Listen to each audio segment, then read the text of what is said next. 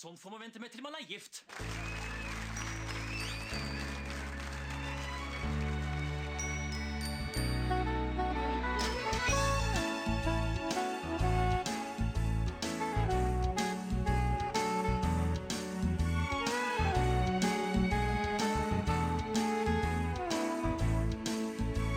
Hei og velkommen til en ny episode av Norsk film filmpodkast. Podkasten der vi ser norsk film med et kritisk, men kjærlig blikk. Jeg heter Emil. Jeg sitter her som alltid med. Stefan heter jeg. Og vi er jo i Norsk Film Filmpodkast veldig opptatt av aktualitet. Aktualitet er noe av det vi setter høyest. Så derfor har vi tatt for oss den nye Olsenbanden-filmen, som går på kino i disse dager. Ja, Vi spiller jo den filmen her eh, dagen etter eh, storpremieren på Olsenbandens siste skrik, som ble sluppet til det som virker for meg litt sånn middels kritikk. Som jo gitt eh, det at norske kritikerstanden alltid overvurderer kvaliteten i hypa norsk film, tyder på at den er veldig dårlig. Og, men vi er jo, som Stefan sier, opptatt av aktualitet. Men vi er også opptatt av at det ikke skal bli for aktuelt. Så vi har ikke sett Olsenbandens siste skrik. Vi har sett den som kom før der igjen, nemlig Olsenbandens siste stikk fra 1999. Ser ikke akkurat pigg ut. Er den dårlig, eller? Nei da. Han ser sånn ut, han. Han er i fin form. Ja, det kunne vært verre. Du skulle sett de andre på hjemmet. Ja, Egon Olsen har kommet. Han ser helt jævlig ut. Men det påstår han er i orden, da. Vi kan ikke ha så skrøpelige folk på skjermen. Hva er det som feiler gubben? Hva er som feiler gubben, da? Ikke en dritt. Han kan vel ikke noe for at han blir gammel? Det er vel ingen her i landet som blir det frivillig? Nei, Han er bare litt senil og sterkt hørselssvekka. Men hun sier han er i orden bare han har nye batterier i høreapparatet. Hva i heiteste var det for noe? Det er bare jeg som sjekker volumet i høreapparatet hans. Og her eh, har vi jo faktisk den originale bandebesetningen med Arve Oppsal som Egon, eh, Sverre Holm som Benny. Karsten Byring er jo døde jo her, så det er ingen Kjell. Men Dynamitt-Harry, spilte Harald Heide Steen, er med. Og selvfølgelig Valborg spilte Aud Schønemann. Ja. Så det er hele den originale besetningen. Herman, Minus Kjell og Hermansen. Hermansen òg, han tok uh, reperen før dette her. Ja. Er Basse med? Eller er bare med en Jo, liten Basse har en sånn uh, liten uh, birolle. Og du, du misliker jo dette Olsenbanen-universet sterkt, Emil. Dette er jo ikke noe for deg. Dette er jo ikke din type film. Det er på en måte litt for lavkulturelt for deg, du som er sånn høykulturell fyr. Ja, Nå legger du jo mange ord i munnen på meg, Stefan. Jeg har aldri sagt at jeg misliker Olsenbanden-universet. Det vi sa da vi så den forrige filmen av Olsenbanden som vi dekka, Olsenbanden og Dynamitt-Harry på sporet, var at jeg syns den ble litt treig. Men det er jo ikke det samme som å si at jeg ser ned på Olsenbanden som serie av et sånt høykulturelt prinsipp. Så du liker Olsenbanden, Emil? Ja, jeg vil si Jeg likte i hvert fall den filmen her, og der tror jeg kanskje vi skilles. Men bare fordi du åpna liksom på den måten du gjorde, så tenker jeg at da må jeg være kjempepositiv og forsvare denne filmen eh, resten av episoden. Nå ble jeg veldig imponert over deg, Emil. Tenk at du likte den filmen her. Ja, Du kan jo kanskje si litt om bakgrunnen for filmen, eh, Stefan. Filmen handler om, ikke, ikke meg. Nei. Eh, Olsenbandens, eh, lagde jo Det ble jo lagd 13 filmer fra 1969 til 1984. Så var det slutt. Ingen ville lage mer Olsenband-filmene. Filmer Skuespillerne var lei. Eh, Regissøren prøvde vel sånn halvveis, han Knut Bohim. Men så eh, dumper det et, en dag så dumper det et dansk manus ned på pulten til Knut Bohim, regissøren av Olsenbanen. Han kan jo selvfølgelig ikke dy seg for å samle gjengen igjen og lage en ny norsk Unnskyld, dansk eh, Olsenbanen-film. For dette er jo basert på et dansk manus, som alle andre Olsenbanen-filmer. Og da kom Olsenbanens siste stikk, som er en litt sånn eh, Den ble jo laget Var det? Eh, 15 år etter den siste Olsenbanen Det er fra 1999, så det blir vel 15 år ja, hvis den forrige kom i 1984. Og for dere som liksom kan litt hoderegning, så kan dere jo tenke at uh, Arve Oppsal, som spiller Egon, han var født i 1921. Så han er Han er vel nesten 80 i den filmen her. Mm. Så er jo, det er jo gamle mennesker vi snakker om. Og det er på en måte Det er jo, det er jo mye referanser her liksom til at Olsenbanden har blitt gamle. Ja, det, bærer jo, det er et veldig sånn tydelig tema i filmen, og det, det gjør jo filmen også litt sånn interessant. At den står liksom ganske sånn aleine, helt sånn som en slags sånn attpåklatt i den vanlige Olsenbanden-franchisen. Og også selvfølgelig før Olsenbanden junior og det kjøret der, som jeg håper virkelig at vi ikke trenger å dekke. Har du noe forhold til Olsenbanden junior? Nei, jeg tenker jo vi skal ta det en eller annen gang. Kanskje den første Olsenbanden junior-filmen. Jeg tror Ja. vi har mange lyttere som kommer til å sette enormt stor pris på det. Men eh, det, det jeg kan si, altså en, en fun fact med denne filmen her er jo at eh, Arve Oppsal måtte jo amputere beinet under filmen. Er det Under innspilling. Ja, Oi. fordi koldbrann i beina hans, så hadde jo jævlig vondt under mye av den innspillingen der. Så det er scener i filmen hvor Arve Oppsal kunne ha ett ben? Ja. Det la jeg ikke merke til i det hele tatt, så det har du skjult veldig godt. Eller at han har veldig vondt i beina og knapt nok klarer å gå. Men Ja. han, på en måte, han skulle jo egentlig ikke spilt, han skulle jo ligget på et sykehus et eller annet sted. Hvor lenge varte Oppsal etter den filmen her, da? Eh, han tok vel, uh, han tok vel reperen i 2007, han? Eller 2006, eller noe sånt? Tok reperen, det gjorde han ikke. Han Nei, han, han, eh, han sovnet stilig inn på et eller annet hjem. 2006-2007. Ja, ja, ja. Vi kan jo kanskje begynne med plott i filmen. Uh, filmen starter med et sånt rullebånd på flyplassen hvor det kommer ut en rød og veldig tydelig koffert. Veldig mistenkelig koffert. Med mange, mange sånne klistremerker på. Ja, som eh, står på gamle kofferter. også et svært hemmeligstempel. Og kofferten er adressert til Det kongelige justisdepartement. Klipp til departementet. Der sitter departementsrådet Hallandsen, spilt av Nils Ole Oftebridge Oftebro. Og han har fått nyhetene om at Vanderberg-mappene har kommet. Dette her er eh, noen filer. Man får vel aldri vite akkurat hva som står i de Wanderberg-mappene, som er så eh, mistenkelige. Gjør man det? Nei, eh, for det er bare snakk om hvor hemmelige Wandelberg-mappene er. Og ja, vi skjønner egentlig ikke så veldig mye av det. Men dette er i hvert fall hysj-hysj. Og da han Hallandsen han sender jo sine beste menn til arkivet hvor disse Wandelberg-mappene er å finne. For at de her skal stjele dem og prøve å destruere dem. Ja, for dette her skal ødelegges umiddelbart. Oftebro tør ikke å tenke engang på hva som kommer til å skje når pressen får nytt i dette. Så det er vel det man kaller for en sånn MacGuffin, eh, som er et sånt begrep som McMuffin? Nei, MacGuffin, ja. Eh, så- Jeg tror det var rett på McDonald's. Emil. Nei, dette her er ikke et kulinarisk begrep, det er et filmbegrep. Og det viser til en eller annen gjenstand som alle sier er veldig viktig. Og fordi alle karakterene oppfører seg som om denne gjenstanden blir, er utrolig viktig, så blir den også det i seerens øyne. Og så trenger ikke det å rettferdiggjøres noe utover det. Ah, så det er, noe, det er noe greier Knut Bovum har lært på filmskolen. Dette. Ja, her. det, det tror jeg nok. Og det er jo også en parallell her til Pulp Fiction. For den også handler jo om en sånn koffert som er veldig verdifull, som man aldri får vite innholdet i. Eh, man ser jo bare det at Jon Travolta åpner kofferten, og så lyser det liksom sånn opp. Og alle snakker om at den kofferten er så verdifull. Og Pulp Fiction kom vel i 94, og den her i 1999, så det er jo mulig at Bovim har sett litt eh, Tarantino og gullpalmevinnende amerikansk eh, sånn halvindie-film og latt seg inspirere, rett og slett. Men det er tydelig sånn McGuffin-grep. Eh, vi må, før vi kommer fram til det ranet som du nevnte, så må vi også ta med en liten sånn joke her, som kanskje viser alderen til filmen litt. Eh, Oftebro skal ha tak i justisministeren, og så sier assistenten hans da ja, det er en hund som er justisminister nå. Og så spør Oftebro hund? Hvilken hund? Altså han tror at det er en bikkje. liksom? Ja, han tror at det er en en dyre hund. Så det er så Såpass ja. utenkelig for han er det det at det er en kvinnelig justisminister. Tenk deg det. Kvinner i politikken i 1999. Du sier noe. Nå har vi en kvinnelig justisminister i Norge as we speak, som ja, kjører kano og padler og så ingen bryr seg om. Det blir ikke noe kontrovers rundt det der. i det Men i 1999 var det annerledes. Da hadde vi jo ikke engang hatt kvinnelig statsminister. Eller ja, jo, vent. Vi hadde jo Gro Harlem Brundtland på uh, allerede slutten av 70-tallet. Det er 80-tallet, slutten av 80-tallet. Nei, nei, tidlig, tidlig uh, allerede 70-tallet, altså. Ja. Ja, jeg var- en kjapp tur innom etter, etter, uh, etter han Hva faen var han heter han? Ja, Odd- Oddvar Nordli. Rett etter Oddvar Nordli. Vandenberg-mappene er her. På ny.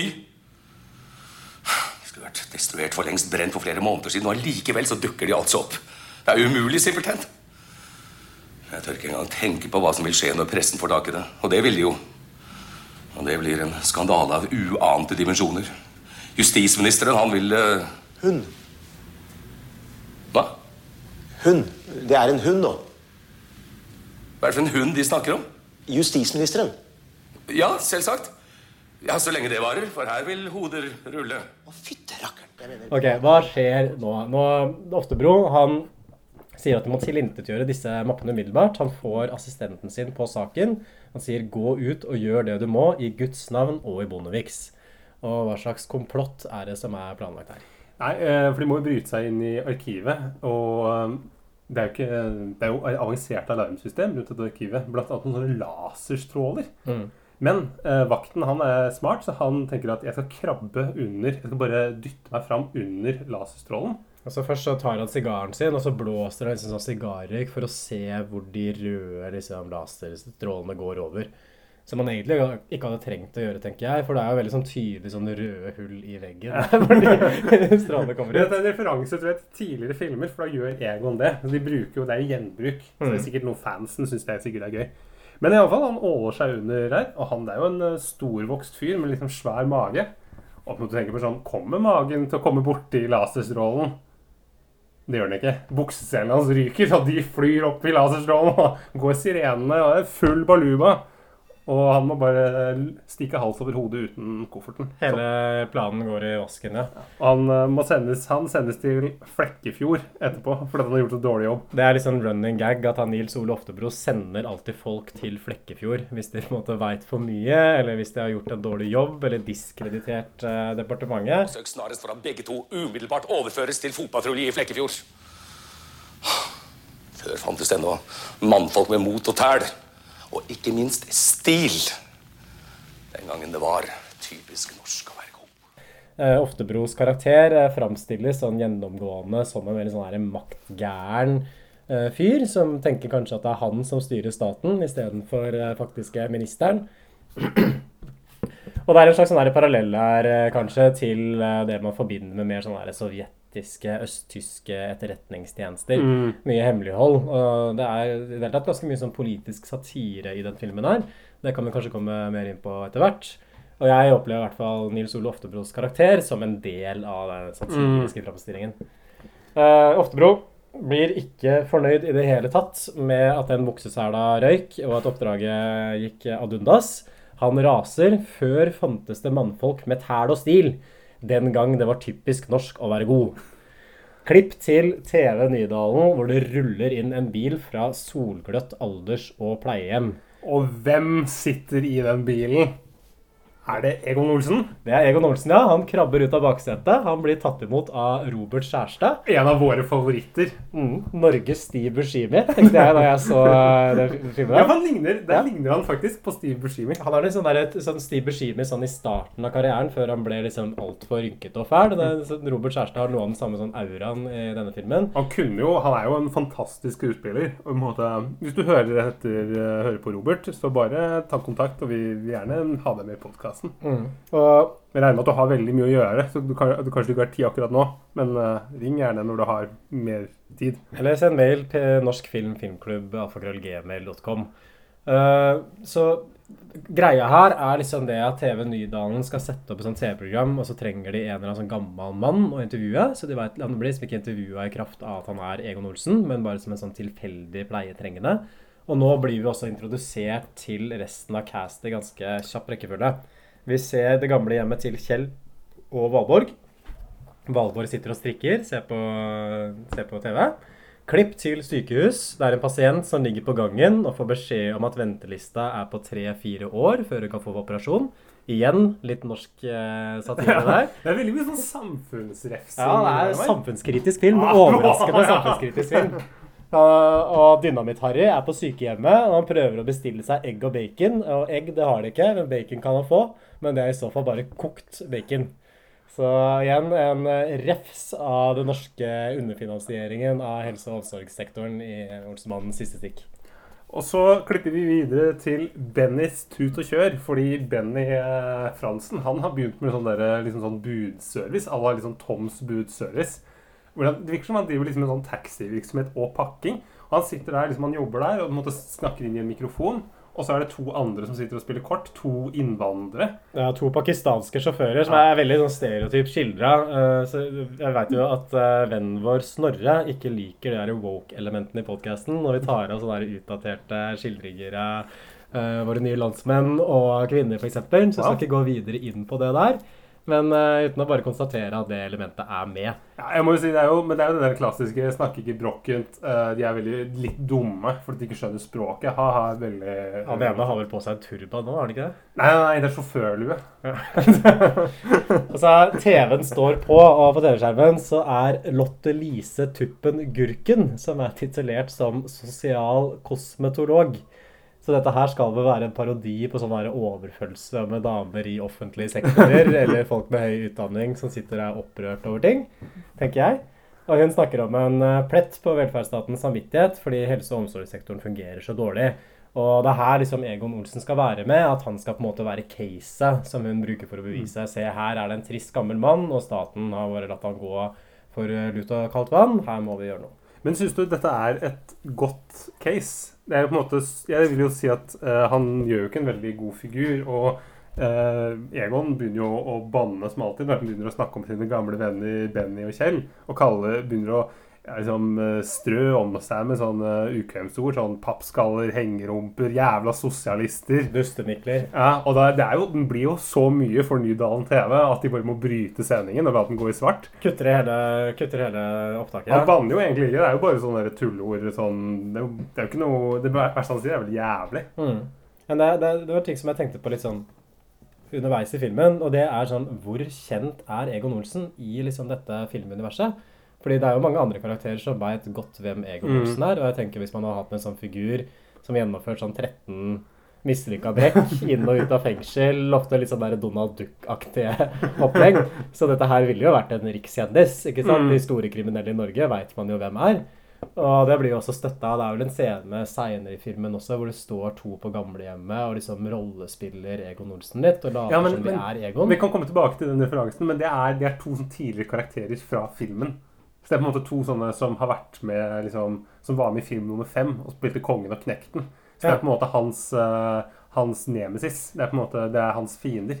Så de, de vet hvem det er. Ja, Så de, de kjenner han personlig? Ja, de kjenner personlig. Ja, ok. Ja, ja, ja. Det, det, tok, det tok, tok ikke jeg. Eh, Men uh, uansett, da, så man får jo inntrykk liksom at Egon Olsen i hvert fall er litt berømt. Så man kan jo spørre seg om ikke TV Nydalen burde gjort litt bedre liksom, faktasjekk og bakgrunnssjekk før de fikk Egon Olsen på lufta. Ja, fordi på gamlehjemmet vet jo i hvert fall hvem han er. Mm. Men uh, vi Ja, hele sendinga bryter, og vi hopper vel alle, og, ja, og poenget er vel at alle, liksom, alle sitter og ser Egon, og alle tenker at nå må vi løpe og finne Ja, Egon. fordi, fordi Den gamle banen. Dette her er jo grunnen til at vi fikk disse små liksom, innsmettene med Valborg og Dynamitt-Harry og Benny og co. ikke sant? De sitter og ser på TV hele gjengen, og når Egon Olsen kommer på skjermen, så spisser de ører, og så Oi, han har vi ikke sett på lenge. Mm. Hva, oi, jeg visste ikke at han levde fortsatt. Vi må, vi må møte han. Vi må alle, alle hver for seg løper ned til TV Nydalen for å få tak i han. Mm. Eh, så også eh, denne han, eh, Departementsråd Hallandsen sender sin, eh, liksom under, sin undersått Grønn Larsen, spilt av Kim Haugen, Mhm. for å få tak i Egon Olsen. Fordi Egon Olsen han kan jo hente ut Wandelberg-mappene fra Ja, arkivet. hvorfor han tenker at det er en god idé? det Det lurer jeg veldig Ja, Egon Olsen klarer nesten ikke å snakke engang. Senil gammel fyr, henter Han ser skikkelig, skikkelig skrøpelig ut. Så det er en dum idé. Ja, det er en dårlig idé, ja. ja. Og Grønn Larsen er jo en sånn eh, Han har på en måte et litt sånt eh, han, eh, Flere ganger når han blir ringt opp av Hallandsen, så har han sånn der, liksom artig sånn, litt sånn seksuelt ritual i senga med liksom en ung kvinne, hvor han, han slår litt sånn løs på en sånn knøttliten bongotromme. Sånn bongotromme som er på størrelse med en sånn knekkebrødpakke. Man driver liksom og slår rundt på. Hmm. Så jeg, jeg ikke helt skjønner er det liksom, Skal det være humor, eller er det liksom Nei, det skal, jeg vet ikke. Jeg fikk liksom ikke helt grep om den karakteren. For han framstår som meg som en veldig sånn nølete, byråkratisk type. At det er liksom der hvor resten av karakteren hans peker, føler jeg. Men så har de det der bongotrommesexen. Og det er jo ganske sånn attraktive unge damer som ligger i senga der også. Ja, han har virkelig, han har på virkelig fått i liksom den saftigste fisken på, på stanga. Så det stemmer, det stemmer ikke helt sånn der overens med det bildet som man kanskje prøver å etablere av karakteren ellers. Men man tenker vel kanskje at dette her er en liten joke som en eller annen i teamet har kommet på. Hvorfor ikke bare skrive det inn, og så kan vi liksom få ut to lattere til av publikum Men det vi ellers ville hatt. At man bygger stein på stein når man driver med humor. Så alt uh, som kan bidra til å gjøre filmen bitte litt morsommere, det tar man med. 50 kroner! Oi! kadar tekrar hayır sen andırsın. Allah. Mesela sultan andaki chapati. Ne nane nane. Nane nane elhamdülillah. أعطيني نانا كل شوية نانا سكري كاري الحمد لله مزيان وانت واش باني مشى بالطاكسي نتاعو؟ يا ولا نجي مع تيكا تيكا؟ تيكا اتشا ما كاتوتا آه Industrigata 12. Jeg sa 12, det er Grautue. Hva til nalla? Dåse. 12. Svølf. Ein, I Industrigata 12, navnet Andersen. Du skal hente ei diger pakke der. Det som skjer videre, er jo at plutselig så møtes Benny og Harry på veien til TV Nydalen og på en måte og hilser og Oi, vi har ikke sett hverandre på lenge. Og de er så glade for å se hverandre. Og spørsmålet mitt er jo da hvorfor har de ikke møttes før? Hvis de er så glade for å møte hverandre. Ja, det, det lurer jeg på også. De, andre, De er jo brødre. Ja, Benny og Harry er jo brødre. Nei, De har vel kanskje blitt såpass traumatisert av det kriminelle livet at de bare alle har liksom gått hver til sin kant. da. Og Egon også var du ikke klar over var ute fra fengsel, tror jeg. Så det er åpenbart ingen som har vært og besøkt ham. Men i hvert fall han går inn i et sånn der kostymelager på TV Nydalen, og så finner han liksom en sånn dress og en boblerott. Og så kommer han ut av TV-studio i den dressen sin, bare som en sånn silhuett. Og det er masse sånn blendende lys, og det ser nesten ut som han kommer liksom fra himmelen da, og sånn tilbake igjen til jordens rike.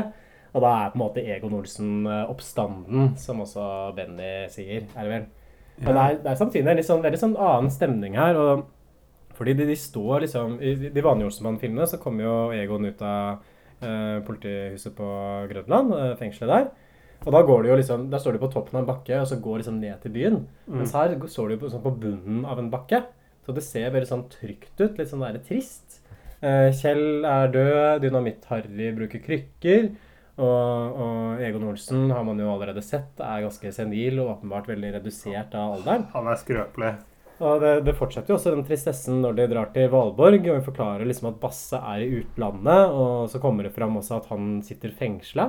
Ja, det er sånn, for det er veldig mye sånne underliggende sånne jokes, eller som du kaller det, eller vitser. Mm. Altså en måte med at han, hun har fått et kort fra han, og han, eh, han fra et eller annet sted som heter Dartmoor prison. Og vitsen er vel da at uh, Valborg kan ikke engelsk. Så hun veit ikke hva prison er. Nei. Men det også er jo litt sånn sørgelig at her ser man liksom at den kriminelle livsstilen har gått i arv, så også Basse har liksom sitt liv Men ødelagt. men han virker jo samtidig litt mer sånn vellykka, for han er på en måte Han er jo øh, Og gjør vel et poeng ut at han er sin far opp av dage og så beskjeden og Ja, men det, det, er liksom sånn, det, det, det har jo gått veldig dårlig med alle, bortsett fra Benny, da, som liksom har starta her tut og kjør-firmaet sitt. Tror du det går øh, Jeg blir klingende mynt og stormende jubel? Ja, det, det, det, det, det mye oppdrag, virker det som. Det, ringer jo inn til den hele tiden. Jeg får litt sånn der eh, stemning fra The Irishman, den Scorsese-filmen, hvis du har sett den. Mm. På slutten av den så har du jo liksom Det handler jo om sånn gangstere, og på slutten av filmen så sitter liksom alle bare på gamlehjemmet og er sånn halvsenile og rørete. Og så tenker man sånn Hva var alt dette her verdt? Altså Disse folka her ødela livet sitt fullstendig, og så fikk de ingenting igjen for det. Så det er litt sånn den samme tristheten jeg plukker opp i Olsenmannens siste stikk. Og det liker jeg egentlig godt med filmen også, fordi jeg tror at hvis man skulle lagd den filmen nå i dag, så ville impulsen alltid vært å prøve å framstille som at ja, dette her er bare Olsenbanden som man alltid har kjent. Ikke sant? Og man prøver kanskje å få dem til å framstå litt yngre, sminke liksom Arve Oppsal til å ikke virke så skrøpelig. Fordi man er så opptatt av å bare gjenskape det som har vært. Mm. Og den beste remaken er den som er sånn nøyaktig lik da, ikke sant? fra det publikum likte i utgangspunktet. Men her har man gått sånn motsatt vei. Her tar man virkelig og dyrker den alderdommen og den avstanden i tid mellom tidligere film. Ja, for det hele tiden, det er alltid det er hele tiden kommentarer fra bandemedlemmene om at uh, jeg orker ikke å klatte der, jeg er blitt for gammel til det, vi har blitt for gamle, gamle, gamle til sånne ting. Mm. Ja, som du sier, det, det brukes for hva det er verdt. Det er hele tiden sånne vitser på hvor gamle de er. Ja. Og Og det, de, er litt sånn utdaterte også. Uh, og Egon har jo en plan her, men den planen er fra 1984. Uh, og da den siste Olsenbanen-filmen kom. og det er Frans Jæger-pengeskap da, selvfølgelig fra 1944, som står på et konsulentfirma som eies av en Bang-Johansen. Ja, Er det en Pål Bang-Hansen-referanse, tror du? Bang-Johansen? Nei, Bang-Hansen? Bang-Johansen er en sånn gjennomgangsfigur i filmene som alltid er skurk. Så liksom i, Fra film nummer ni så er det alltid liksom uh, han som er skurk. Bang-Johansen og Hallandsen, liksom, som er hans underordnede. Her avslører jeg min uvitenhet. altså Bang-Johansen kjenner jeg ikke til. Ikke den knekten av den andre kissen som du snakka om i Det er sikkert noen få som er sånn som deg, og de som sitter og hører på, kommer til å kjenne seg veldig igjen i de spørsmålene du har. Så ingen spørsmål er for dumme når du måtte snakke med Olsenbanden-oraklet, Stefan. Nei, For å være helt ærlig så visste jeg ikke at Benny og Dynamitt-Harry var brødre heller. Der, der turte jeg ikke å si noe, så da holdt jeg bare kjeft. Det er en god taktikk, for det er veldig få som gjennomfører tomskule. Bortsett fra meg akkurat nå, da. Men det, Og Egon forteller at dette her er eh, statlige penger i den safen som skal brukes på bestikkelse i utlandet. Så det er igjen litt tråd med liksom den eh, mørke samfunnssynet som er i filmen. At det virker som at hele Norge har liksom blitt veldig sånn korrupt og veldig sånn forelda. Og det liksom bare er ulike sånne hustlers som bare går rundt og skal mere sin egen kake. At det er et samfunn som virkelig står på avgrunnens rand, altså, som de blir presentert for. hva, tror du, hva tror du Bovim, altså Knut Bovim, eller liksom manusforfatteren her, egentlig stemmer? Det er jo det er politiske synet. Frp.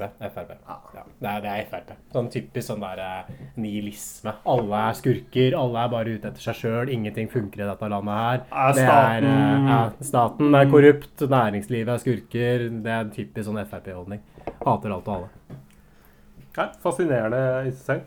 Og Grønn Larsen eh, drar da til eh, denne Bang-Johansen, spilt av Anders eh, Hatlo. Nei. nei, nei, det er politimannen. Det er politimannen! Men det er så mange! Holm heter han. Eh, Holm, ja. Spilt av Anders Hatlo. Men Anders Hatlo, det er riktig skuespiller, i hvert fall. Ja, ja. Der hadde jeg rett. Og han har jo en kriminalbetjent, en assistent, som heter Gran, spilt av Johannes Joner. Mhm. Det er mange karakterer, altså. Ja, det er mye å styre på. Og, og jeg syns også det er en ganske sånn god cast der. At du har liksom Ja. Anders Hatlo og Per Christian Ellefsen dukker opp seinere i filmen. Så det er veldig mange sånne herre Ja, det er han, ja! Ikke sant? At man, legger, man bare drar kjensel på liksom utseendet. Johannes Joner også er en sånn klassisk sånn skuespiller, så alle som har vokst opp liksom i vår generasjon, kjenner igjen han. Mm, han var Men- alltid komiskuespiller, liksom. Sånn karakter... eh. Ja, men det er ikke nødvendigvis at man veit navnet hans, Nei, nei. eller at man veit hvor man har den fra. Sånn der, hvis man hadde gått forbi Johannes Joner på gata, så kunne man kanskje tenkt at sånn Var han liksom faren til en i klassa som der vokste opp? Det er et veldig kjent ansikt, men sånn er vanskelig å plassere, da. Jeg hadde jo en opplevelse der, for jeg sto bak eh, Trond Høvik i butikken. Mm. Samme. Ingen, fra, han fra Bare Egil. Han som er på en måte eh, broren til Egil i den filmen. Mm. Hvis du husker han. Nei. Eh, Ikke sant? Ingen vet hvem det er. da- da Men du tenk- kjenner den igjen. Du kjenner det igjen. ja, du er det? ser Trond Høvik, så er det sånn Faen, ja, han, ja! Ja, men hvor, hvor er det jeg har han fra? Ikke sant? Er dette her en kjendis, eller er det bare en fyr jeg kjenner? Hei, hei! Synes at det er Trond Høvik. altså, Det er, det er dumt. Anders Hatlo er selvfølgelig interessert i å førtidspensjonere seg, for det er jo ingen i politiet eller staten for øvrig som har lyst til å jobbe. Men uh, Grønn Larsen har lyst på informasjon om Egon Olsen, og da sier Hatlo noe som jeg syns var litt interessant. Han sier at uh, Egon Olsen var en hedersmann. Han beskjeftet seg utelukkende med ulovlig kriminalitet, i motsetning til uh, hvitsnipsforbrytelserne av i dag, som kun begår lovlige forbrytelser. Så det er for så vidt et sånn fint stikk liksom, til den korrupte finansbransjen som vokste fram etter frisloppet til Willoch og Harlem Brundtland. Det er jo egentlig bare en videreføring av det som allerede har blitt etablert, egentlig. Eh, nemlig det at eh, departementet er interessert i å få has på Egon Olsen. Så poenget med scenen er jo kanskje først og fremst å bare introdusere Anders Hattos karakter. da. Mm. Og han, det er jo igjen en sånn en sånn dynamikk mellom denne betjent Gran, som er litt yngre, og Anders Hatlo, som er den gamle vise, som på måte sitter der på sin høye pidestall og vet alt om livet. Og på en måte vet at det nytter ikke å liksom prøve å fange forbrytere. Mens Johannes Joner er liksom kvikk og ivrig og sier at uh, Hallandsen kommer til Oslo, og vi må prøve å fange han. Mens Anders Hatlo sier at nei, hvitsnippforbryterne de får ikke straff, de får staff. Ikke sant? Det er kanskje, det er kanskje den beste vitsen i hele filmen. Referanse til Tor Erling Staff, en litt sånn notorisk advokat som død, har vært død i ti år nå, tror jeg. Ja, øh, For alle unge lyttere som ikke vet hvem det er, så kan dere sikkert øh, google ham eller TikTok ham. Han er sikkert liksom øh, far rundt i, på sosiale medier. Flesteparten av disse forbrytelsene er lovlig. Gjort legitime på høyeste hold. Vår gamle kjenning Egon Olsen var sammenlignet med dette en hedersmann. Og ønsker de å komme i kontakt med ham, så er det bare å vente til tiden er moden. Hvis Egon Olsen er på frifot, og det finnes ett eneste Frans Jæger-pengeskap igjen, så vil han nok snart høre fra seg. En sånn gammel vaneforbryter vil ikke svikte oss. Det som også er morsomt med han Bang-Johansen, er at han spilte Halvard Flatland. Ja, og det er jo en veldig god cast, eh, fordi Flatland ble vel ettersøkt av Økokrim allerede året etter filmen kom ut. Oi. Og ble senere dømt, faktisk. Eller han var mistenkt for eh, hvitvasking. Men han ble dømt for falsk politiforklaring, som jeg tenker at betyr at politiet mente at han var skyldig. De klarte ikke å ta han, så da bare dømmer de for den et eller annet. Så da tar de liksom falsk politiforklaring, så får han i hvert fall en liten smekk, da. Ehm, samme kveld så gjennomfører Olsenmannen dette kuppet, skal prøve å ta denne safen, da. Og det som er interessant er at de har med seg Valborg på å gjennomføre kuppet. Altså, Hun er kledd også veldig upraktisk. Hun har på seg sånn rød dress, som er veldig synlig, for det første, og kanskje ikke så lett å bevege seg i. Hun har på seg hatt. og høye hæler. Eh, Hvorfor er Valborg med på dette ranet her? Nei, og det, det, det det jeg lurer litt sånn på også, hvorfor Valborg-karakteren trenger å være med. For den, den, er noe, den er jo ikke med i det hele tatt. Det er liksom hyggelig å se Valborg igjen. I filmen generelt? Ja, for tilfø- en karakteren tilfører jo ingenting til filmen. Ja. Men, Men, kanskje, men, men samtidig, du må jo, hvis Aud Schødemann er i live og tilgjengelig, så kan man ikke lage en Olsenmann-film uten Valborg. Nei, kan jo ikke bare se den filmen på kino, og liksom kinoplakaten kommer opp, og så er jeg, ja, jeg ble aldri spurt, jeg. Bare sitter her og det, men det kunne kanskje gitt henne litt mer. Men er ikke det liksom typisk for de andre Olsenmann-filmene også at karakteren hennes er litt tynn? At hun ofte bare er en sånn nag som liksom bare Mm. sitter i bakgrunnen og klager? Og bare ja, ødelegger livet til Kjell og banen. Ja. Men ja, det Og da, her er det jo De må jo jeg vet ikke, de må snike seg forbi en eller annen vakt. Det er ikke noe sånn veldig raffinert kupp, det her. Men det, så, det, det er jo noe av det jeg liksom sånn tror, jeg tror fans setter pris på da, med de filmene her. er at Det er jo veldig mange av de gamle Olsenband-skuespillerne som stadig dukker opp her. Her, vakten, er jo en eldgammel Cal. Han er jo spilt av Ulf Wengård, som er en sånn der gjennomgående liksom, rolle som, er liksom, som har vært med i flere filmer. Og sånn ser vi liksom gjennom. Rolf, eh, eh, Jan Panderolfsen er med. Liksom, det er de gamle, gode gutta som liksom har sånne småroller. Selv om de er liksom over eh, 70-80 nå. Men er ikke det litt kult, da? For det Jo. virker jo veldig som at man har tenkt når man skal lage den filmen her, at ok, her sitter vi på en eller annen tradisjon. da, Vi har en legacy her som vi skal prøve å opprettholde og forvalte på et eller annet vis. Mm. Og jeg likte veldig godt liksom, de der pekene tilbake til Olsenmannens historie, som jeg sikkert bare fikk med meg sånn 5% av, fordi jeg kjenner såpass lite til den historien. Eh, så det, det, er, det er mye sånn fanservice i filmen, Mm. men på, gjennomført på en fin måte, syns jeg. Ja, fordi det er det, jeg tror, jeg tror så å si alle karakterer som er, eller personer som er spilt av noen over 50, er liksom disse gamle skuespillerne som har blitt plukket opp igjen. Og ikke alle, alle har liksom ikke vært sånn superkjente heller. De har bare hatt ja, Mm. småroller i Olsenbanen. Så det er på en måte den, ja, familien, liksom dynastiet Olsenbanen, har på en måte blitt samlet igjen. Og Olsenmannen blir observert av den vakta. Uh, Halvard Flatland, altså Bang-Johansen, ankommer også kontoret. Og så, det, slutter liksom hele scenen med at det er liksom frem og tilbake, men det som skjer til slutt, i hvert fall, er at annenbetjent Gran kommer inn, og så tar han hele gjengen på fersken. Det som er litt sånn interessant er at han arresterer Halvor Flatland, og så tar han samtidig Egon Olsen i hånda. Så det er liksom kommentar på at liksom utskuddene har på en eller annen måte blitt respektable. da. Olsenbanden har blitt en slags sånn institusjon. Og de får en sånn respekt fra politiet som det de aldri fikk eh, tidligere, tror jeg man kan si. Og de nye skurkene, som er representert av Halvard Flatland, de er på en måte nåtidens kriminalitet. da. Mm. At Olsenmannen har på en måte blitt litt sånn respektabel etter hvert, bare for at det har vært med såpass lenge, og for at det har blitt også litt sånn utdaterte og derfor litt uh, søte. Og det er et sånt der meta-element hvor det virker som om eh, noen av de behandler liksom Egon Olsen litt som om man skulle gjort det hvis man hadde møtt Egon Olsen i virkeligheten. Ja, Tenkte det, at Ja, ja. Dan Gran kunne på en måte vært en Ja. Olsenbanden-filmfan da, som bare møter karakteren. eller, eller Arve Oppsal på gata. Ja. Um, det som skjer videre, er jo at uh, Nils Ole Oftebro hyrer da selvfølgelig Olsen inn for å stjele denne Wanderberg-mappen. Så det var vel det man skjønte kom til å skje sånn i utgangspunktet. Så det er kanskje litt sånn brokete vei fram til det punktet, Mm. syns jeg.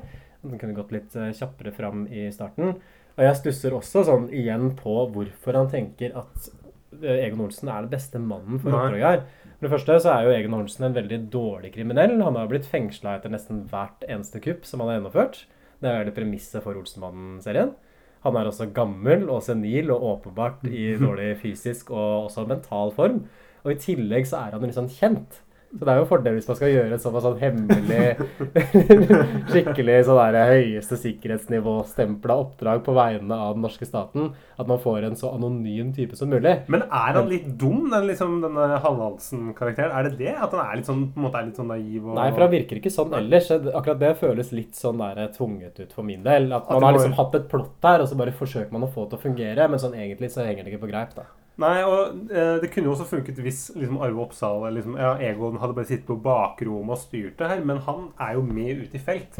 Og han får jo med seg to medarbeidere fra liksom denne Ja. dette liksom, ja, fra, jeg, jeg tror de jobber i staten, jeg, til arkivet for å stjele disse mappene. Mm. Og hans geniale idé er eh, at han finner en bil. Han trenger litt eh, spraymaling. Sprayer ned denne bilen her med en tag hvor det står uh, 'Departementsråden er en dritt'. og setter den utenfor arkivet. Og de som jobber på arkivet, de blir jo helt over styr. vet du, måte, og, hva, faen, hva skal vi gjøre med den bilen her? Og vi er jo enige at den er en dritt, men vi kan ikke la den stå her på liksom, statlig mark. Og da må vi løpe ut og så skyve bilen vekk. Igjen en kommentar til den korrupte norske embetskulturen. hvor utrolig liksom, servile norske byråkratiet er, og hvor mye makt disse toppbyråkratene har klart å erverve seg. Og da- kan jo bare Egon Olsen gå inn og skru av den alarmen, så slipper han til og med å liksom kravle under de laserstrålene, sånn som han eh, Kjempelurt. før eh, hadde planlagt å gjøre. Og så bare tar han kofferten og går ut. Så det er veldig gjennomført og Ja. vellykka kupp. Ja, alt går etter planen. Og han øhm, Hallandsen er jo veldig sånn Han smigrer jo Egon veldig og sier at ja, de, liksom, de andre kriminelle de er jo ikke noe andre, annet enn noen null i verdikommisjonen. Det er måte, det er helt i sånne Det er sånn små drypp altså, Ja. av den satiren. Jeg likte det veldig godt. jeg. Ja, jeg synes det, var- det var det beste. Og så viser jo også Oftebro på en måte sin Eller Hallandsen, vi kan jo kalle han det karakteren heter. Viser jo sin, sitt sanne ansikt, hvor han nå gir Grønn Larsen i oppdrag å likvidere Egon Olsen, rett og slett. Han er, ja, han er en slu Han Har, ja. ja. Dette her er virkelig sjokkerende. Jeg visste ikke at det var sånn eh, Justisdepartementet ble drevet. Ja, kanskje det er sånn det gjør det. Vi har, ingen av oss har jo noen fot innenfor departementet ennå, men øh, det kommer nok etter hvert når vi øh, bygge, karrieren vår videre. Men her, Stefan, det har jo blitt et litt sånn tema i denne episoden at jeg alltid spør deg når det er ting jeg ikke forstår i filmen. Her må jeg spørre om en ting til. Vær så god, Emil. Bare spør i vei.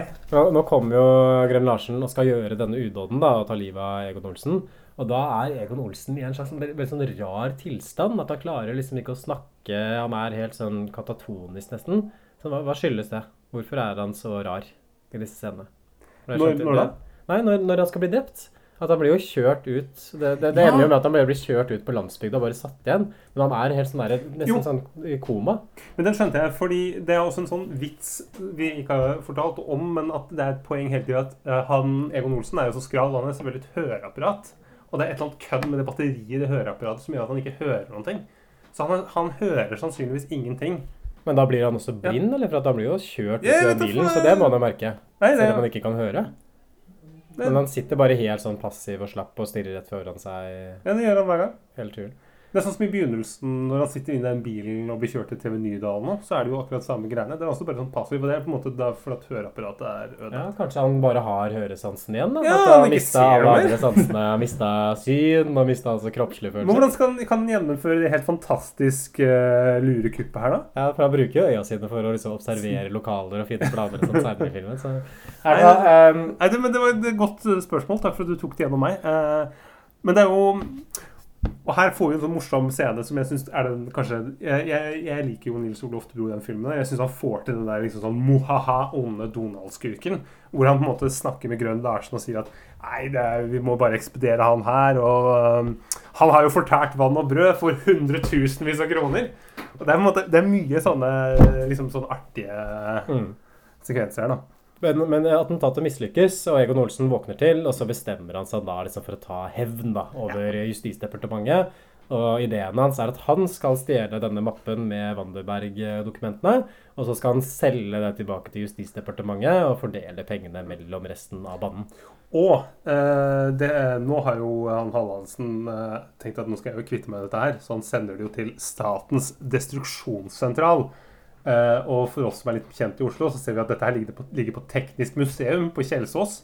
Det her er Statens destruksjonssentral, som visstnok er tegnet etter et vinnerutkast av klasse 6A ved Marienlyst skole. Oh, ja, ja. Ja, et, enda et sånn arkitekturopprør. Liksom sånn, eh, et litt sånn eh, en, eh, Hva kan si? Referanse til liksom moderne arkitektur, da. Mm. ja for, det, for det er veldig, det er veldig sånn interessant eh, og egentlig også en kul settdesign her.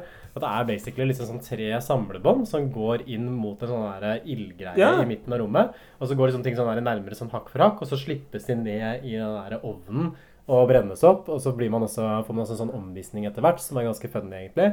Hvor det som skjer, da går gjennom veldig mange forskjellige ledd. Og så til slutt så blir det på en måte komprimert ned til en liten sånn svart firkant, og det skytes da opp i verdensrommet i samarbeid med NASA.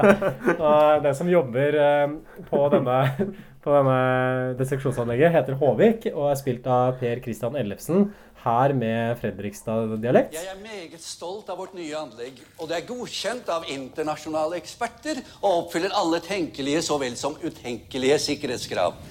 Her inne har vi så anleggets hjerte, destruksjonsenheten. Håvik, Kan De lukke opp? Ja vel, herr direktør.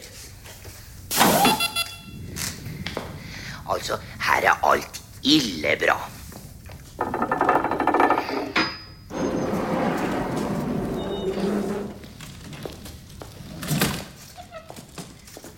For øvrig, det er noe å bemerke, kan du si. Ja, Da sier du noe ganske så morsomt, at Håvik er fra Østfold, men han er sikkerhetsklarert likevel. Jeg syns det er morsomt. Da lo du ordentlig, da? Ja. du eh, Jeg syns også det er ganske mye morsomme detaljer her, for man ser jo de andre dokumentene som skal til destruksjon. Og det inkluderer bl.a. Arbeiderpartiets arkiv, hysj-hysj-dokumenter fra Lund-utvalget. Vi har også en sånn metagag hvor det er Olsenbandens samlede verker, noen sånne filmruller som skal brennes. Og du har AUF-saken, eller en sånn pappboks som er sånn stempla AUF-saken på siden. Reksten-filene, et eller annet. Mm. Reksten-saken. Og AUF-saken det kan vi kanskje ta i forbifarten, for det er en sånn interessant del av norsk historie som kanskje er litt sånn glemt i dag. Men det var, handla altså om at fire tillitsvalgte i AUF som hadde blitt funnet skyldig i grovt bedrageri for å ha juksa med medlemslistene sine. For I Norge så fungerer det sånn at man får statsstøtte til ulike organisasjoner basert på hvor mange medlemmer man har. Og da har jo bl.a. SOS Rasisme da, i regi av Tjent Folket har jo spekulert i det der å melde inn falske medlemmer. da. At du melder inn folk som egentlig ikke er interessert i å bli med, og så kan du få mer statsstøtte av den grunn. Og det her drev man også med i Arbeiderpartiets eh, Ungdom, hvor man drev og forskuddsbetalte medlemskontingenten for medlemmer. Hadde forskuttering, kalte det, eh, som de ikke hadde sagt at de var interesserte. Dette her hadde visstnok disse fire utvalgte, eh, tillitsvalgte blitt pressa til av Rita Ottervik og Trond Giske. Oi. Og Stoltenberg hadde jo i ettertid sagt at han visste om at denne praksisen eksisterte. Så ja, temmelig korrupt. Tips til alle ungdommer hvis de vil starte en sånn ornitologisk forening for eksempel, og trenger liksom eh, flere medlemmer og mer støtte, så er dette en måte å gjøre det på. Ja, Bare melde inn masse fake medlemmer, og så går det bra et par år, så blir man tatt til slutt. Ehm, så det er altså her som banden skal inn for å stjele denne kofferten. Ehm, trenger vi å gå inn i detalj på hvordan de gjennomfører det ranet? Kan du Sånn- si noe veldig kort at det er noe eh, Det er vel noe sånne Det er veldig det er, er noe hvelv, og det er veldig eh, vanskelig å komme inn. Og det er noen sånne sensorer i taket som registrerer bevegelser. Alt er superfølsomme sensorer. Ja, litt sånn som du har i eh, Hvis du har sånn alarmsystem hjemme. Sånn, i, eh, sånne, liksom, ja, sånne sensorer. Og poenget er vel at de bruker noen sånne såpebobler. Og ja, det er en helt sånn uh, lang harang der, men til slutt så greier de jo å få tak i den kofferten med at Egon fyrer seg ned liksom, gjennom uh, I sentralen. Ja, De bruker på en måte det der sensitive alarmsystemet mot dem, fordi Egon blåser ned såpebobler, og så trigges alarmen sånn 10-20 ganger. Og så til slutt så går Håvik bare inn og skrur av anlaget, for han tenker at det er noe teknisk feil. Teknisk og. Og da kan eh, Egon eh, gå ned. Altså, det er en sånn artig detalj her at det er en veldig sånn stereotyp kineser som blir leda rundt på omvisning. Han har en sånn der rød stjerne på Men, hatten. men men så du hvem det er? Nei. Det er jo spåmann Henning Haili som spiller den kineseren. Å ja, også kjent fra Radioresepsjonens eh, TV-program, ikke sant? Er han det? Ja, han Ja, var han var med. der. Radioresepsjon på TV. Også kjent fra Hotell Cæsar og mye annet. Det er verdens beste spåmann, ifølge seg selv. Så det man gjør narr av her, er vel den norske statens vilje til å samarbeide med ganske hyggelige regimer. Fordi det er vel også en sånn detalj der hvor han snakker med Hallandsen, da. Og så sier vel sånn Hallandsen at han skal sende en eller annen til Flekkefjord, og så svarer kineseren ja, i Kina så skyter vi dem bare. Og igjen, eh, Snorre, du får bare spole forbi neste 30 sekunder nå, for nå skal vi snakke om politiske representasjonen av minoritetsgrupper. Stereotypt portrett, vil jeg si, av en kineser. Og kanskje litt utdatert portrett også, til og med i 1999. At han er jo veldig kledd ut som en sånn Mao Zedong Det var en sånn liten jakke med sånn eh, liten hatt med sånn rød stjerne på. Ja. Sånn typisk sånn Mao-klær. Um, men det, en- alt ender jo i hvert fall med at Håvik eh, blir helt eh, gæren, fordi han skjønner ikke hvorfor alarmsystemet klikker, og ender jo med at han får sparken av sin sjef. Ja. Og de kommer seg unna med, med plottet. Altså Utafor liksom, destruksjonssentralen så klikker det liksom for Egon. Jeg skjønner ikke sånn helt hva som skjer her, egentlig. For det er noe greier med at Egon Olsen har lyst til å bli tatt med vilje. Nei, nei, nei, skal nei. Jeg, jeg, jeg skjønte det. Jeg, jeg, tok meg litt tid. Men eh, poenget er at de har sneket seg inn med en sånn vaktbil. At de har gått liksom langs den vaktbilen den, for det er en port inn til anlegget. Og de må jo forbi den porten, for de kan ikke klatre over. Og da må de gå inn samtidig med en vaktbil. Oh, ja, Og den vaktbilen skal ut igjen. Men de brukte for lang tid på kuppet, så de rekker ikke den bilen. Så den har allerede kjørt, og da er portene stengt. Hva skal Egon gjøre da? Jeg tror det at måtte bare svartne for Egon. For at han måtte nå skjønne at jeg er stengt inne her. Jeg kommer ikke ut. Ja, ok, Så for han blir liksom tatt med inn av en vakt inn på den her vaktsentralen, og så poserer Benny som en lege som går inn og henter Egon, og så går de sammen ut. da. Og det, det her er noe rart, fordi denne vakten her er jo, må jo være like gammel som Egon Olsen selv, men gjør hele tiden et poeng ut av at Egon er så gammel, og på en måte kaller ham for bestefar. Mm. Og på en måte legger en avis på stolen hvor Egon skal sitte sånn at han ikke bæsjer på seg. og Det er på en måte en helt sånn der merkelig Denne mannen her som jobber som vakt, han må jo være Han er i hvert fall uh, godt over 75. Men, men det syns jeg sånn generelt med filmen, at nesten alle karakterene er jo veldig gamle. Mm. At jeg tror Gjennomsnittsalderen på skuespillerne her må jo være over 40, tror du ikke? Jo, jo, men det, det, men det det han, han her er jo en tidligere Olsenbanden-skuespiller som heter Jan Pander Olsen, som er mannen til Aud Schønemann. Ja, ja, ja. For det, for det er vel et eller annet med Den ideen er vel utgangspunktet at man skal ha med og hedre de skuespillerne som har bidratt til Olsenbanden opp gjennom åra. Men så får du også den effekten av at det framstiller Norge som et veldig sånn forelda og utdatert og liksom nedadgående land, da. Som styres bare av gamle mennesker. At måte, det er gamle folk som på en måte, de får ikke pensjon. De jobber til Securitas til de blir 95 år gamle. Mm. Og ja, det ender jo med at uh, kuppelen blir vellykka, og de selger kofferten tilbake til Justisdepartementet for uh, 15 mil. Uh, Hallandsen blir diskreditert. Grønn Larsen tar Hallandsens plass. Og ting går liksom sin vante korrupte gang. da. Mm. Så hvis du har sett liksom The Wire, så er det alltid på slutten av sesongene hvor du ser liksom at ja, det er liksom én politisjef kanskje blir satt av, men da kommer det bare en ny inn som er Mm. enda verre. Og så bare reproduserer dette korrupte røkla seg år for år for år. Og det er liksom samme følelsen jeg får av avslutningen på Olsenmannens siste stikk, eh, egentlig.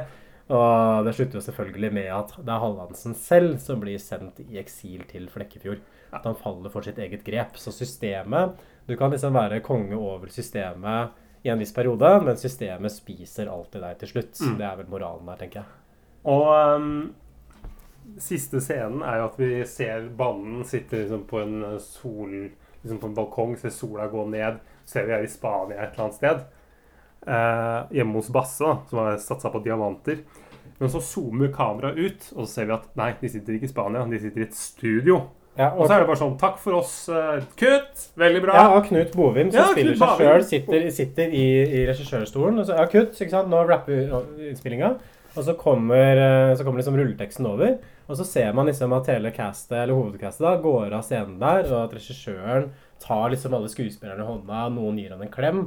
Og veldig sånn der punktum for filmserien. Mm. Og et sånt metagrep. Så jeg synes var ganske fint. Jeg, jeg, jeg syns det var nesten litt rørende. At Mm. det, det liksom fikk sånn derre I hvert fall for en film som på en måte er såpass opptatt av arven etter Olsenbanden, og Mm. liksom hva Olsenbanden har betydd, så syns jeg det egentlig er en litt sånn genial måte å avslutte filmen på. Mm. Eh, men som også er sånn kunstnerisk vågal, fordi ja, den typen sånn metagrep er ikke så vanlig i norsk film, egentlig. Hvert fall ikke sånn, I hvert fall ikke for en sånn folkelig serie som Olsenmannen, at det kan fort liksom bli oppfatta som litt sånn fikst.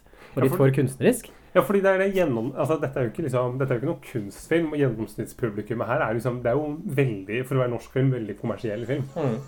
Så flott Basse er, også så beskjeden. Sin far opp av daga, altså. Dette skulle hun Kjell ha sett. Men hva sier du da, Egon? Jeg har altså en plan. Helmaks, Egon. La oss høre. Kutt! Nå frø er nok, gutter. Ingen flere planer nå. Er slutt nå? Nå gir vi oss. Ja vel. Ja, ja, det. Nei, så Det, det, det minner litt sånn, sånn avslutninga på Jackass-filmene. Der også har de Ja. de siste scenene hvor de viser liksom crewet, og de viser regissøren, og alle klemmer hverandre, og så er det på en måte Man får en sånn avslutningsfølelse, da. Men tror du Gunnar Nei, Knut Bovim, unnskyld, har sett uh, Jackass? Ja, Jackass-filmene første kom jo i 2001. Eh, Jeg tenker også på Gullpalmevinneren fra 1997, som var en iransk film som heter Time Gulas. Å, den, ja! Smaken av kirsebær på norsk. Ja, det det, er, det handler om en mann som kjører rundt omkring utafor utenfor eh, en stor by. Kan jeg gjette? Han kjører rundt i bil og så samler kirsebær? Høster kirsebær? Nei, nei, nei. Han, han kjører rundt i bil, for han skal finne noen som kan assistere ham i å ta livet av seg. Ja. Og det er liksom hele filmen. Og det å ta livet av seg er ulovlig i Iran. eh, Det er ulovlig i islam. Eh, så han trenger noen som kan komme liksom, og gravlegge han, at han har planer om å ta noen sovepiller og så legge seg ned i en grav, og så vil han ha noen som kan spa jord over han. da. Og den filmen også har en veldig sånn kjent avslutningsscene hvor de liksom kutter til en sånn making of, hvor du ser regissøren stå og instruere skuespillerne, og du ser liksom crewet. Så det, kanskje det er, eh, det er Tarantino på starten med den kofferten, og så er det Kiarostami, iransk film på slutten, kanskje. Jeg skal ikke undervurdere Knut Bovio. Altså, jeg tror han er såpass oppegående at han kjenner til de Tenk det, fra, liksom, fra liksom Olsenbanen til smaken av kirsebær. Det er utrolig hva du får i norsk film, filmpodkast. Men hva, hva synes vi, da? Eh, Stefan, før vi begynte å spille inn episoden, så kommenterte du jo at det er dårlig film vi har sett til nå. Dette var dårlige filmer som vi hadde valgt.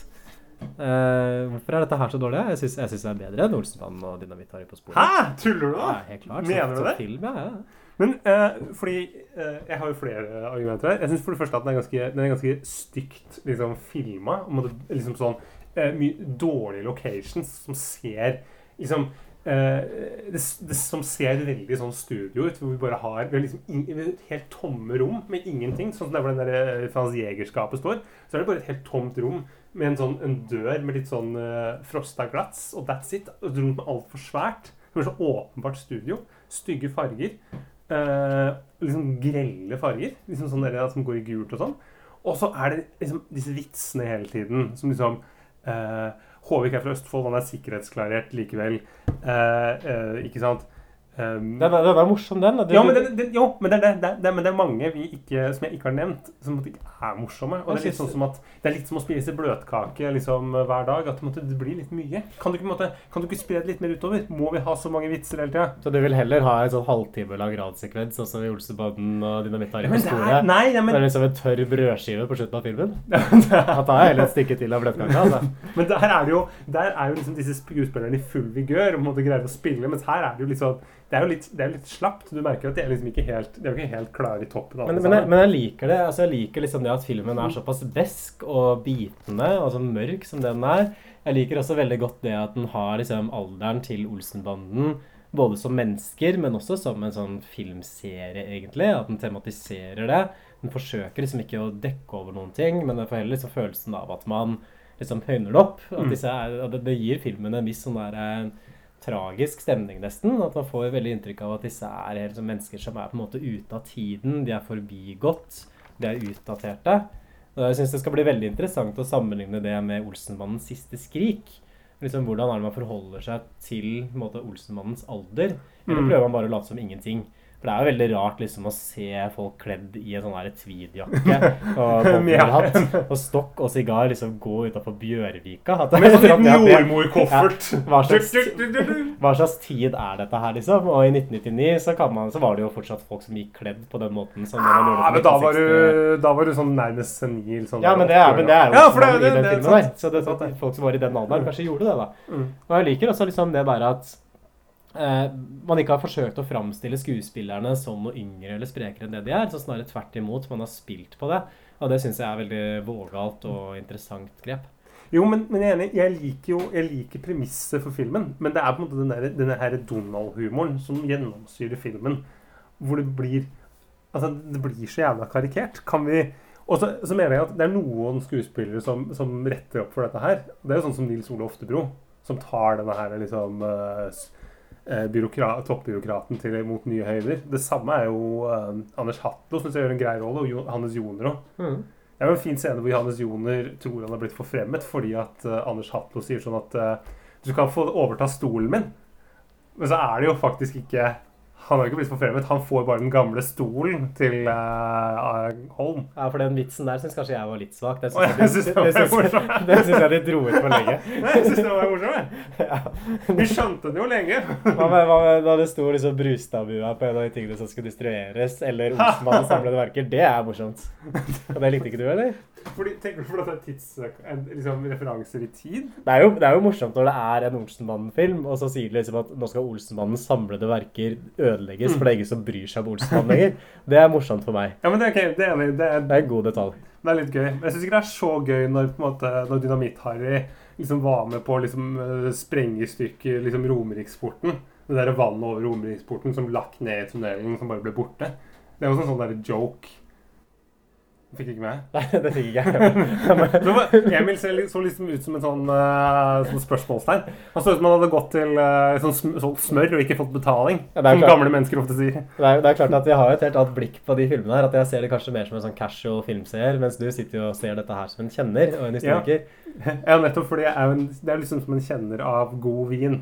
Men det er litt- det er- på en, og leter etter en god årgangsvin, så får jeg bare sånn Black Tower eller Gato Negro. Hva med, hva med terningkast på Gato Negro Black Tower-vinen her, da? Hvor, hvor langt steker du deg? Jeg er nesten mer spent på deg, men eh, jeg kan, eh, jeg kan bare si jeg jeg gir den eh, terningkast to. Terningkast to? Ja. Jeg synes det var ganske snilt. Jeg tenkte det var én da jeg så den, men eh, etter liksom diskusjonen med deg, så har jeg nok kanskje gått litt opp. Altså. Jeg setter faktisk litt pris på dette, men ikke veldig, ikke, ikke veldig mye. Hva med deg? Jeg er nok mellom fem og en sterk firer, tror jeg. Så kanskje, jeg, kanskje Jeg ga jo 'Jakten på nyresteinen' terningkast seks forrige episode. Og det har jeg tenkt i ettertid kanskje var litt vel mye. At jeg ble litt revet med. Så kanskje jeg skal gå for eh, fire pluss, da. Ja. Så det er vel kanskje nesten omvendte karakterer fra det vi ga til Olsenmann og Dynamitt-Harry på sporet. Jeg mener at jeg ga den terningkast to, og du kanskje ga den en sterk firer eller en femmer eller et eller annet sånt. jeg tror det er akkurat det, er akkurat det samme. Så er det på en måte det er jevna ut, da. Så da blir det siste skrik, da. Så det blir det seks fra meg, og så én fra deg. Åh, Den gleder jeg meg til å se. Mm. Bare, du må bare fortsette å følge med på Norsk Film Filmpodkast. Eh, og bare send inn mailer. Vi, eh, vi svarer når vi har tid. Robert Skjærstad og andre som måtte være interesserte. Ja, vær så snill. Kom med tips, Robert Skjærstad. Vi tar det alltid like seriøst når du kommer med tips til oss. Takk skal du ha, Robert.